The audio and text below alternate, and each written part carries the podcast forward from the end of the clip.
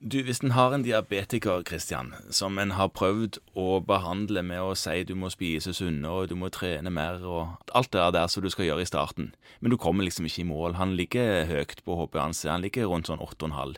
Hva starter vi med av medisiner? Det er jo så hinsides mye å velge i. Ja, det er enormt mye å velge i, og verre blir det. Men i første omgang er det alltid enkelt. Alle skal egentlig ha metformin, og, og begynn gjerne bare med det. Mindre det finnes grunner til at de ikke kan bruke metformin. Eh, Og det finnes det jo. Så er det ikke så bra for de med nyresvikt. Nei, de med nyresvikt skal ikke ha metformin. Det kan også da bidra til det som heter laktasidose, som er en alvorlig tilstand. Som Ja. underdiagnostiseres bitte litt. Det kan man dø av. Det er sjelden.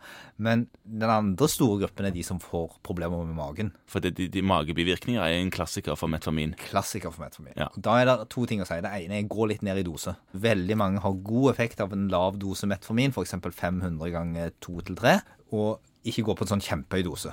Nei, sånn 1000 ganger 2 til 3, for Ja, f.eks. 1000 ganger 3 det har du veldig liten nytte av. Ja, men 1000 ganger 2, det fins jo. 1000 ganger 2 er ganske vanlig, og det Ja. finnes, og hvis de tåler det, så kan de godt få det. Ellers er det ikke så veldig store bivirkninger med metformin. Og man får jo heller ikke hypoglykemi av det. Nei, man, faller, man går ikke i kjelleren på blodsukkeret, nei. Nei, nei. Så den faller ikke under normalt nivå.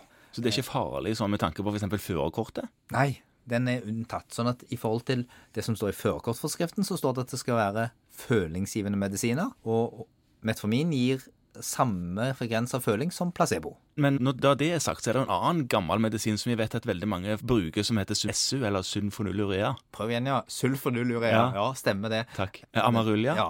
Stemmer ikke det at den gir lavt blodsukker, eller kan gi? Den kan gi lavt blodsukker. Den virkningsmekanismen på den, og nå, nå må vi jo snakke litt om sånt, det er jo det at den påvirker det som heter betacellene. I bukspyttkjertelen? I bukspyttkjertelen, de som lager insulin. Og så bare skrur den på frigjørelsen av insulin. Ja, fres på. Så uansett hva blodsukkeret er, så bidrar den til at det skilles ut mer insulin. Og insulin er veldig fornuftig der, så uansett hva blodsukkeret er, så senker insulinet blodsukkeret hvis det først kommer ut. Så de kan få føling. Og det vil si at i hvert fall de som er avhengig av å ha et førerkort, så kan man godt prøve å velge seg noe annet.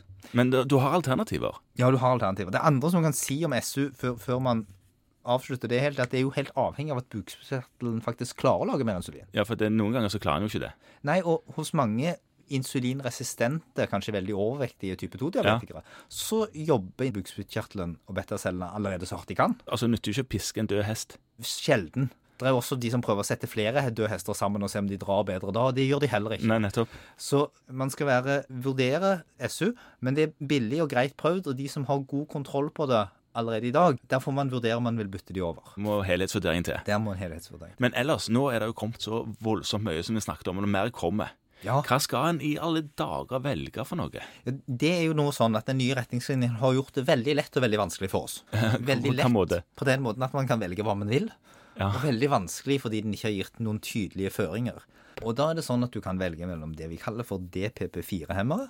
Dipeptidylpeptidase. De påvirker noe som heter inkretiner, som er et hormon som vi skiller ut når vi spiser. Og de senker blodsukkeret via å påvirke bukspyttkjertelens egen produksjon.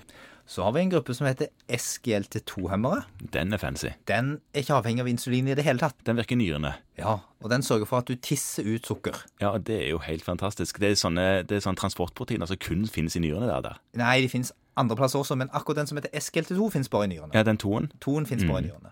Men så finnes det 1, 2, 3, 4, 5, 6, 7, 8, 9, 10. Jo, jo, men det er toen vi bryr oss om. Det er toen vi bryr oss om i hovedsak. Så med mindre du har en tendens til å få veldig mye sopp i underlivet, så er det en kjempegod idé. Og så har vi noe som heter GLP1-analoger. Har ikke det litt med DPP4-hemmerne å gjøre? Jo, for det er et inkretin. Et fabrikkinkretin som vi gir. Og via veldig, veldig kompliserte mekanismer så er Ikke gå i detalj. Nei, så er det avhengig av blodsukkeret for å virke. Sånn at du får ikke noe veldig føling av det heller. Og det er òg veldig greit. Så ingen av de tre siste vi har snakket om nå, gir føling noe mer enn placebo. Og så har du insulin. Ja, fordi det hender at man må på disse type 2-diabetikerne, som er de vi snakker om nå, over på insulin hvis ingenting annet, hvis man ikke klarer seg på noe annet. Og hvis man ikke kan gi noe annet. Og en del av disse andre har også betraktninger i forhold til f.eks. nyresvikt, som gjør at det er bare insulin du kan velge.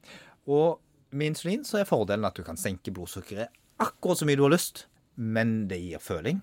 Det gir mye høyere risiko for føling, og en del går opp i vekt. Og det er fordi at insulin, når det er for mye sukker i blodet, så flytter insulinet det over i lagringsmedier, deriblant fett. Du kan senke et hvilken som helst blodsukker med insulin, men du gjør mye av dem til fett. Og det er jo et problem hos mange med type 2-diabetes. De har for mye fett allerede. Og da kommer det inn at DPP4-hemmere er ganske vektnøytrale. Og GLP1-analoger og SGLT2-hemmere tenderer til å senke vekten. Og dette er sånne ting som bør komme i spill når Ja. du sitter med en diabetiker For å vurdere hva skal denne fyren eller dama ha. Og så er det jo sånn at de fleste leger og de fleste pasienter foretrekker piller foran sprøyter. All den tid GLP1-analoger fortsatt er sprøyter, så er det nok følelsesmessig en litt høyere terskel for å begynne med det. Men når det er sagt, en del av disse er én gang i uken. Og har sabla gode resultater i studier. Veldig gode resultater i studier. Mange av de har en veldig positiv effekt på vekt, noe Ja. som for mange av disse pasientene er kjempeviktig. Og i tillegg så er det jo sånn at når de aller fleste får prøvd å stukke seg med en GLP1-penn eller en insulinpenn, så lurer de på hva, hva de var så redd for. For de kjenner ingenting. I dag bruker vi korte, tynne nåler, og det går veldig, veldig fint.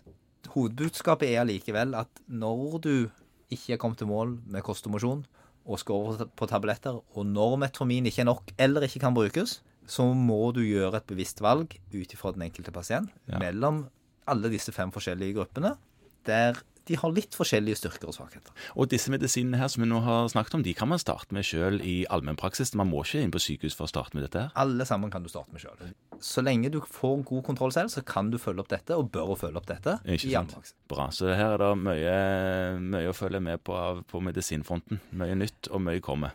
Mye nytt og mye kommer, og mange av disse finnes jo i ymse kombinasjoner med hverandre. Og en del av de har litt sånn spesielle krav til når du får de refundert på blå resept, og det er sånt som egentlig ikke passer på en podkast, men må leses opp. Det er helt sant.